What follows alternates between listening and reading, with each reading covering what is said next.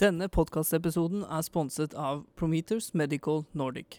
Et Stavanger-basert selskap som leverer unik akuttmedisinsk støtte i form av kurs, simulator og behandlingsutstyr. Sjekk deres nettside på promednor.no. AK, dette.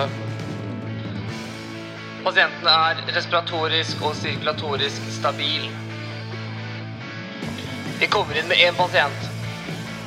Du puster for fort! Hei, god dag. Ja, da bare sett tilbake, bak, du. er ikke så ryddig, da. Jeg skal møte en mann som kommer helt fra Stavanger. Han har tatt seg tid til å bli med og spille inn denne podkastserien. Han er luftambulanselege og innovator. Hei, Ole Kristian. Nils Petter, hyggelig. Han har forsket på ultralydbruk ved en pneumotoraks. I dagens episode skal vi snakke om noe som kan være veldig vanskelig å oppdage prehospitalt, nemlig pneumotoraks. Dagens gjest er Nils Petter Oveland.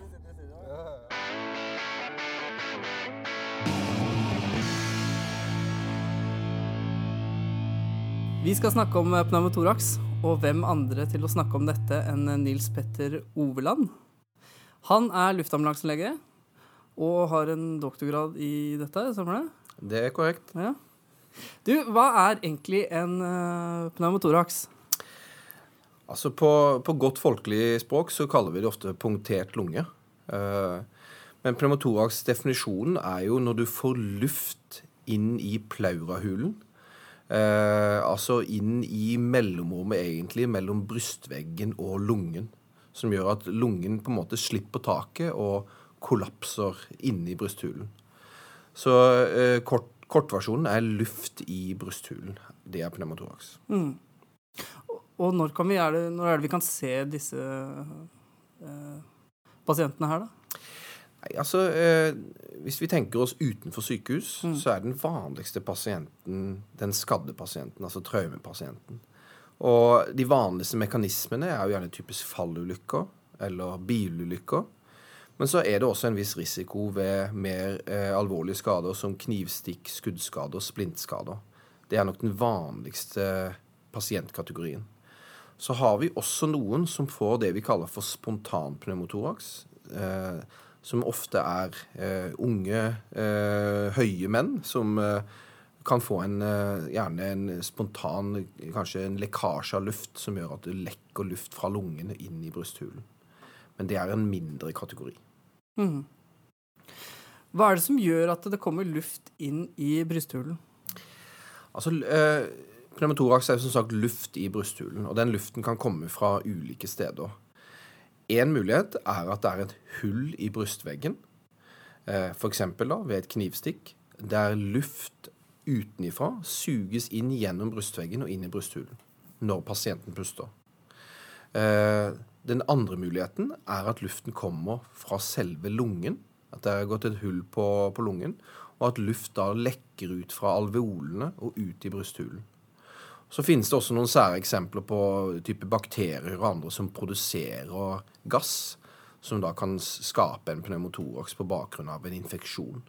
Men det vanligste er nok en, en, en skade av selve lungevevet, der det luft lekker ut.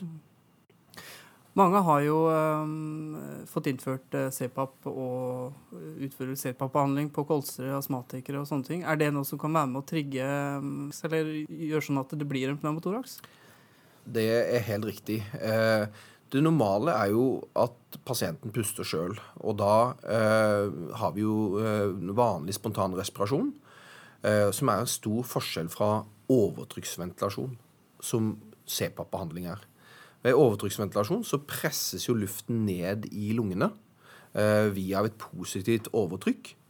Mens når man puster vanlig, så genereres det et undertrykk i lungene som suger luften ned. Det er to ulike mekanismer. Så når man har CPAP og uh, bruker overtrykk, så er det en viss risiko f.eks. at det vi kaller for bulla, altså uh, utvidelser av alveolene, kan sprekke, og at luft kan da lekke ut i brysthulen og skape en pneumotoraks. Så jeg tror risikoen øker ca. tre ganger uh, omtrent når man appliserer overtrykk. Mm. Så det kan være mange årsaker til uh, pneumotoraks. Um, sånn i forhold til symptomer, da, hva kan være symptomene på en uh, pneumotoraks? Både tidlige og seine tegn? Altså det som, eh, det som, er typiske med de pasientene, det er at de eh, sliter med pusten. At de klager over tung pust. Eh, de har gjerne da en økt pustefrekvens. Det passer jo da med 'du puster for fort'. Ja. eh, så dette er en, en pasientkategori som, som, absolutt gjør det. Men så er det ofte kombinert med smerter i brystet. Og da er det ofte det typiske at smertene er respirasjonsavhengige. Eh, gjerne når du ber pasienten trekke pusten dypt inn, så kjennes det en litt sånn knivstikkende, skarp smerte på den siden der lungen er kollapset. Eh, det kan jo da være kombinert med f.eks. en skade av et ribbein. Typisk er at et ribbein kan punktere lungen for eksempel, ved en, eh, et ribbeinsbrudd.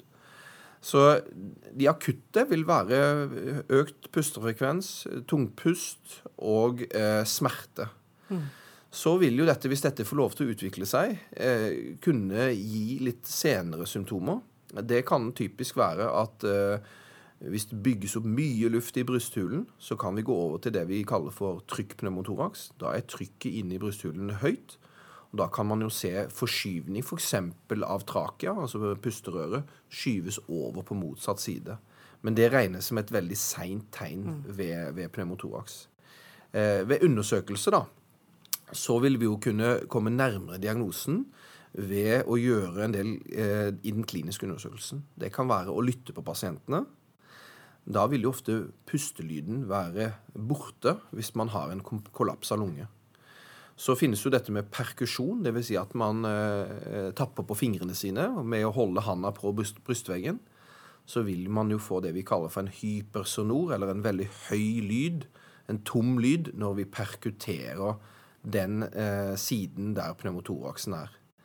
Eh, men så er vi jo eh, litt videre der om at det kan av og til være vanskelig å gjøre, spesielt i bråkete omgivelser. Og da er vi jo litt inne på hvilke diagnostiske muligheter finnes. Jo, vi kjenner til røntgenbildet. Eh, det er ikke spesielt følsomt ved pneumotoraks. Men så har jo da nye diagnostiske teknikker kommet inn, bl.a. med, med ultralyd. Mm. Og det skal vi snakke om også mm. i neste podkasten. Um, litt tilbake til det her med uh, symptomene på pneumotoraks.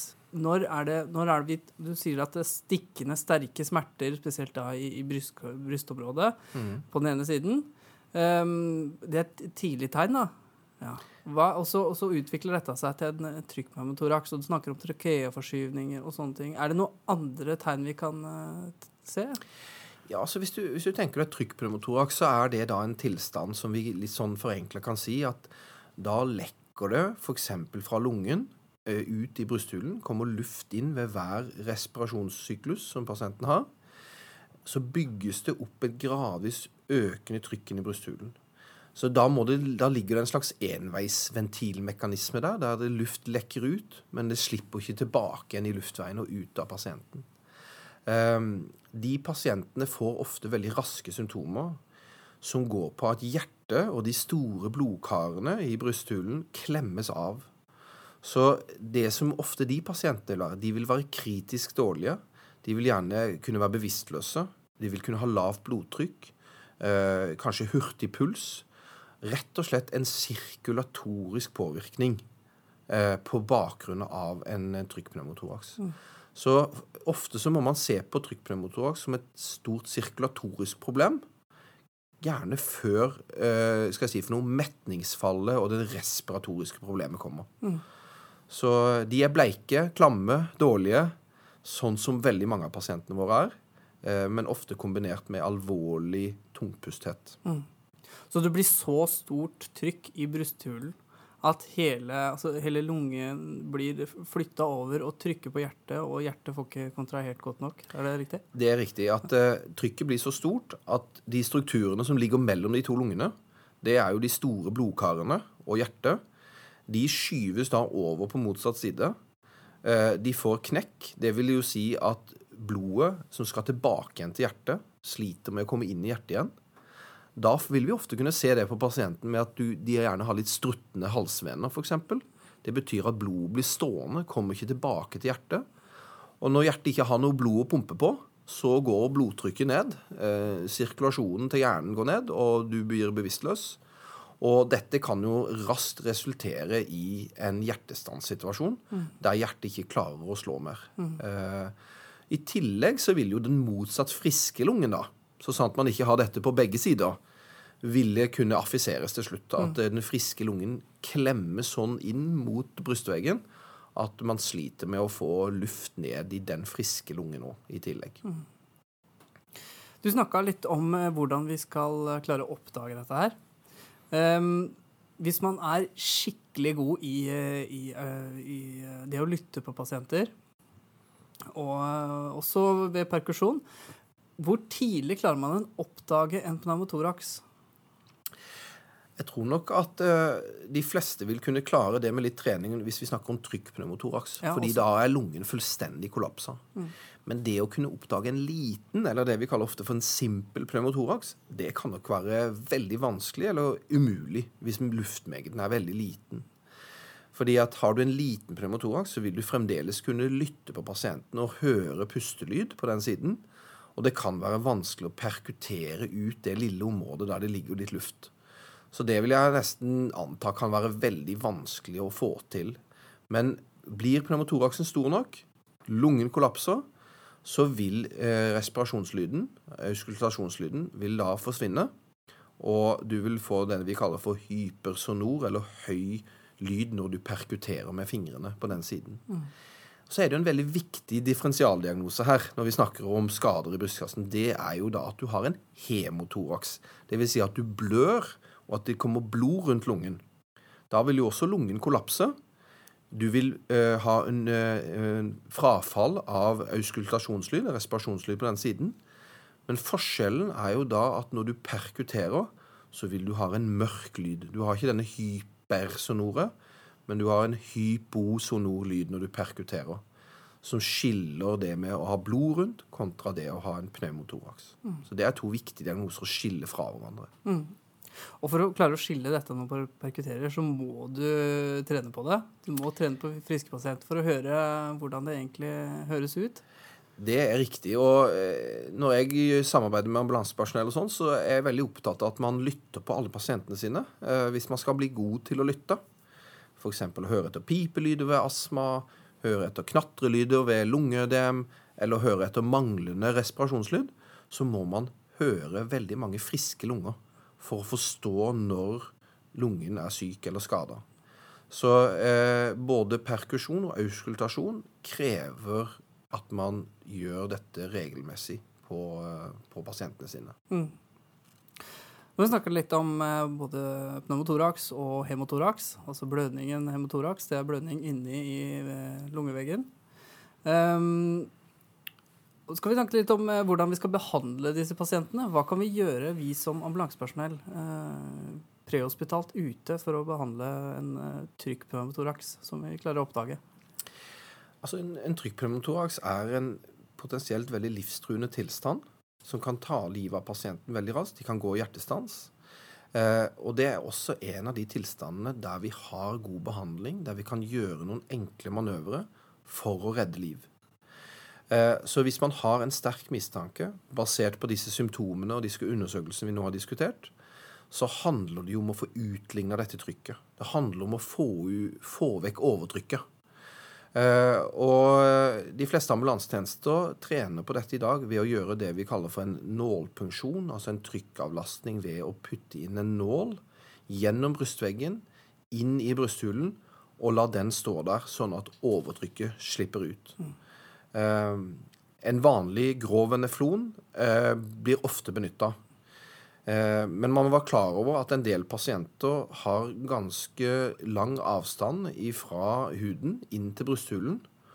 Og stikkestedet som ofte anbefales, er jo midtklavikulært på klavikula i andre interkostalrom. Og en veneflon er 4,5 cm. Så en del pasienter vil man ikke klare å behandle skikkelig med veneflon. En annen problem er at denne plastikkdelen, kateterdelen, vil kunne knekke, sånn at uh, man ikke får sl slippet ut overtrykket. Mm. Så det finnes andre bedre egna nåler til å gjøre den prosedyren. Men uh, det er helt klart en nødvendig prosedyre som kan redde livet til pasienten der og da. Når overtrykket kommer ut, det tar ofte fra 30 til 60 sekunder, så vil eh, blodtrykket kunne stabiliseres igjen. Eh, blodet vil kunne returnere til hjertet, og hjertet vil kunne få et volum å slå på. Og da, da, vil pasientens tilstand raskt kunne forbedres. Mm. Du snakka om at vi skal altså, avlaste trykket midtklavikulært. Er det noen andre steder vi kan uh, avlaste trykket? Ja, altså det eh, For å komme inn, altså hvis man er veldig stor og sterk eller en skikkelig tjukkas? Det er klart at det finnes alternative uh, områder man kan gå på. Uh, et område som, som, kan trenes på, det er uh, inn under pektoralismuskulaturen. Altså et område mellom fremre aksillærlinje og midtre aksillærlinje i rundt 50 interkostalrom. på høyre side er det relativt ukomplisert, men på venstre side så ligger hjertet. Så der skal man være litt mer forsiktig med å stikke inn en nål. Så jeg ville ha sagt at det er kanskje noe som ikke eh, en vanlig ambulansearbeider bør gjøre, med å konsentrere seg om andre interkostalrom. Men eh, det er et alternativ å gå eh, rundt fremre akselærlinje i 50 interkostalrom eh, innunder pektoralismuskulaturen. Mm. Det er en mulighet. Mm. Hva er det man kan gjøre galt ved en uh, trykkavlastning, da? Altså, eh, Det er jo selvfølgelig en viss risiko, som det er med alt, at uh, man kan ha stilt feil diagnose. Det kan være sånn at pasienten faktisk ikke har en pneumotoraks, og, ikke har trykkpneumotoraks. Uh, og da vil det å kunne sette inn en nål, og la den nåla stå åpen, kunne føre til at luft faktisk går fra utsiden gjennom nåla inn i brysthulen, sånn at man faktisk skaper en pneumotoraks. Så det må man være klar over. At, eh, at uh, riktig diagnose, riktig diagnosestilling er viktig før man starter avlastningen. Hvis ikke kan man påføre pasienten en pneumotoraks.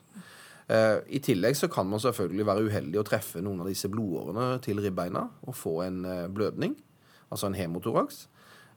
man kan ødelegge nerver, og få smerter. og kanskje på lengre sikt se for deg at man kan få en infeksjon. Mm.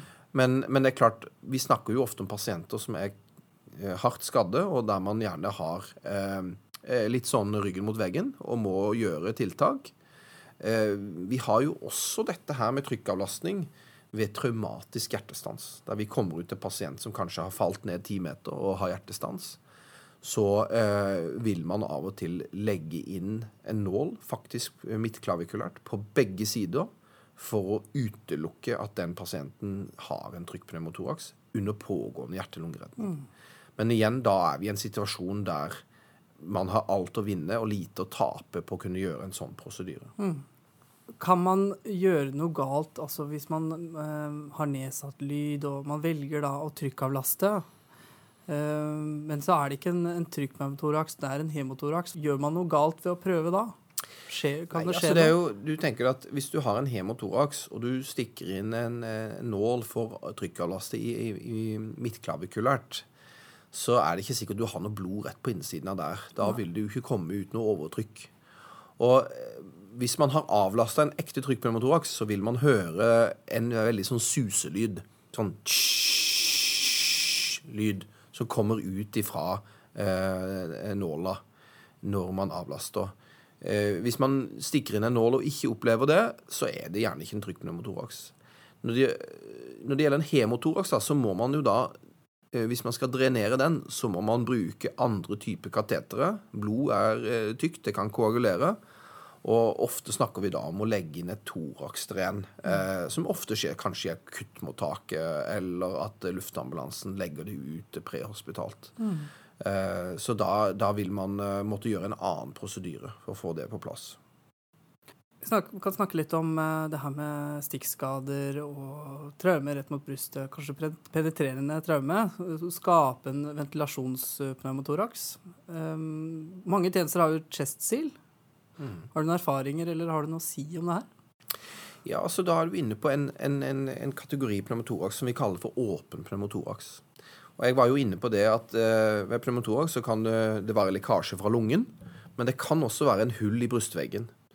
Eh, og den, eh, den eh, mekanismen da er jo at luft, når pasienten puster inn, så skapes det et undertrykk inni brysthulen som suger lufta inn gjennom dette hullet. Og det er et problem, fordi at da går det mindre luft gjennom luftveien og ned i lungene. Og, og det suges rett inn i brysthulen. Eh, så da må man på en måte få tetta dette hullet på et slags vis. Hvis man derimot bare tetter det helt igjen ved en tett brystbandasje, så vil eh, det kunne oppstå en trykkpneumotoraks hvis lungen også er skadet. Så det som anbefales da, er å bruke en brystbandasje med en ventilfunksjon. Altså en chest seal-bandasje. Eh, og der finnes det mange bra på markedet i dag som man kan klistre over hullet. Eh, som har gjerne den funksjonen at den slipper ikke luft inn når pasienten trekker pusten inn, men den slipper ut overtrykk og eventuelt blod ut. Uh, dette er jo sånn som vi har lært litt eh, nesten vi sier på speideren, at man kan gjøre på egen hånd ved å klippe en del av en plastikkpose og teipe på tre sider, og la en fjerde siden stå åpen. Men jeg tror man skal satse på noe som er eh, utvikla og laga for dette. Dette kan være hardt skadde pasienter der du har dårlig tid. Mm. Og eh, i mitt hode så er ikke det tid for noe hjemmesnekra. Mm. Der må man bruke en, en, en brystbandasje som er egna for det. Mm. Jeg skal snakke litt om um, Det er jo mange som har lang transportvei til sykehuset. Um, la oss si torakstraume, uansett hva, um, og lang transport til uh, sykehuset. Hva kan du gi av tips til de som skal kjøre sånne typer transporter? Ja, det er, det er, klart det er alltid en utfordring. Man skal, man skal ha ansvar for pasienten over, over lengre tid. Um, jeg tror det er viktig å etablere god monitorering. Få på uh, disse standardtingene. EKG, blodtrykk og puls. Sette de til å gjerne ta blodtrykket kanskje hvert annet minutt hvis pasienten er dårlig nok, for å kunne følge og, trendene. Uh, og selvfølgelig også ha metningsmåler og se. Det er jo viktig å iverksette behandling med surstoff. Eh, men så er det jo også kanskje viktig å ta seg den tiden da, for å f.eks. lytte på pasienten og perkutere i et mest mulig rolig miljø, sånn at man er sikker på, på undersøkelsen. Jeg anbefaler å, å undersøke hele thorax med å palpere. For det å kunne kjenne f.eks. et ribbeinsbrudd er jo viktig.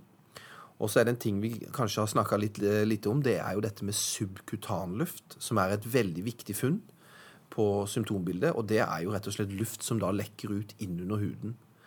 Eh, det beskrives litt som å ta i kram snø, og det kjenner man når man tar på pasientene. Så det å undersøke hele brystkassen ved å ta på dem, det kan være veldig viktig. For finner man subkutan luft, så vet man at man har en pneumotoraks. Problemet er at det er veldig mange med pneumotoraks som ikke har subkutan luft. Så man må være klar over det. Men jeg anbefaler i en sånn lang transporttid er å gjenta undersøkelsen med regelmessig mellomrom. Ha god monitorering. Eh, og kanskje da ha en litt lavere terskel da, for å måtte iverksette et behandlende tiltak hvis du er langt unna eh, sykehus. Så er jo selvfølgelig også det en pasientkategori med en thorakstraume som påvirker, der luftambulanse skal involveres. Mm. Så der vil jeg også bedt om assistanse. Mm. Eh, kanskje for å korte ned transporttiden, eventuelt få legeressurser ut som kan bistå i diagnostikk og behandling. Du jobber på luftambulansen. Du er anestesilege der i mm. Stavanger. Mm. Det er korrekt. Ja. Mm. Hva gjør dere i helikopteret når dere får en uh, sånn type pasient? Altså Det er herlig all den forskning og undervisning og sånn som gjøres. Og jeg har sett studier som, som, dokumenterer at det er umulig å lytte på pasientene inni et bråkende helikopter. ja, det så det er jo eh, umulig å gjøre visse ting i helikopteret. F.eks. det å, å auskultere. Mm. Eh, så der er faktisk mulighetene litt mer begrensa enn inni en ambulansebil. Ofte er plassen også bedre i bilen. Så igjen handler det om også å ha god monitorering. Eh, det handler om å gjenta og det å palpere på pasientene. Eh, men, men, i og med at vi, vi, sliter rett og slett med det å kunne auskultere og sånne ting, så er jo det nettopp en av de grunnene til at jeg har engasjert meg så mye i å bruke bærbare ultralydapparater for, sånn at vi kan se. Mm. De ikke kan bare, uh, bare lytte, men rett og slett kunne se i tillegg. Så eh, jeg er jo glad for at uh, luftambulansetjenesten i Norge i dag har med seg ultralydapparater, og, og, bruker det for å monitorere pasientene. Mm. Og det skal vi prate om i eh, neste episode. Det gleder jeg meg til. Ja, så bra. Det er jo på en måte det, det, er jo det du har doktorgrad i, er det ikke det? Jo, altså det var det jeg begynte å engasjere meg i. Det var, var bruk av eh, ultralyd for å finne indre skader. Og spesielt da i toaks, som er eh, viktige, viktig for å kunne redde liv. Men eh, også andre steder i kroppen, sånn som i bukhulen og, og andre steder der man kan bruke dette verktøyet. Så for meg så har det vært en lang reise. Eh, Vi har kommet dit at vi har klart å innføre det som en standard i helikoptertjenesten. Og mer og mer publikasjoner støtter jo også bruk generelt i det prehospitale rom. Så det, det er et spennende felt. Jeg tenker vi kan eh, ta oss og avslutte her. Tusen takk for at du ville eh, komme på denne episoden, Nils Petter. Takk for invitasjonen, og gratulerer med en fantastisk oppstart på podkasten din. Jo, takk for Ja. det. I neste episode skal vi prate om nettopp det han har forska på. Det er bruk av ultralyd utenfor sykehus. Til da, takk for nå.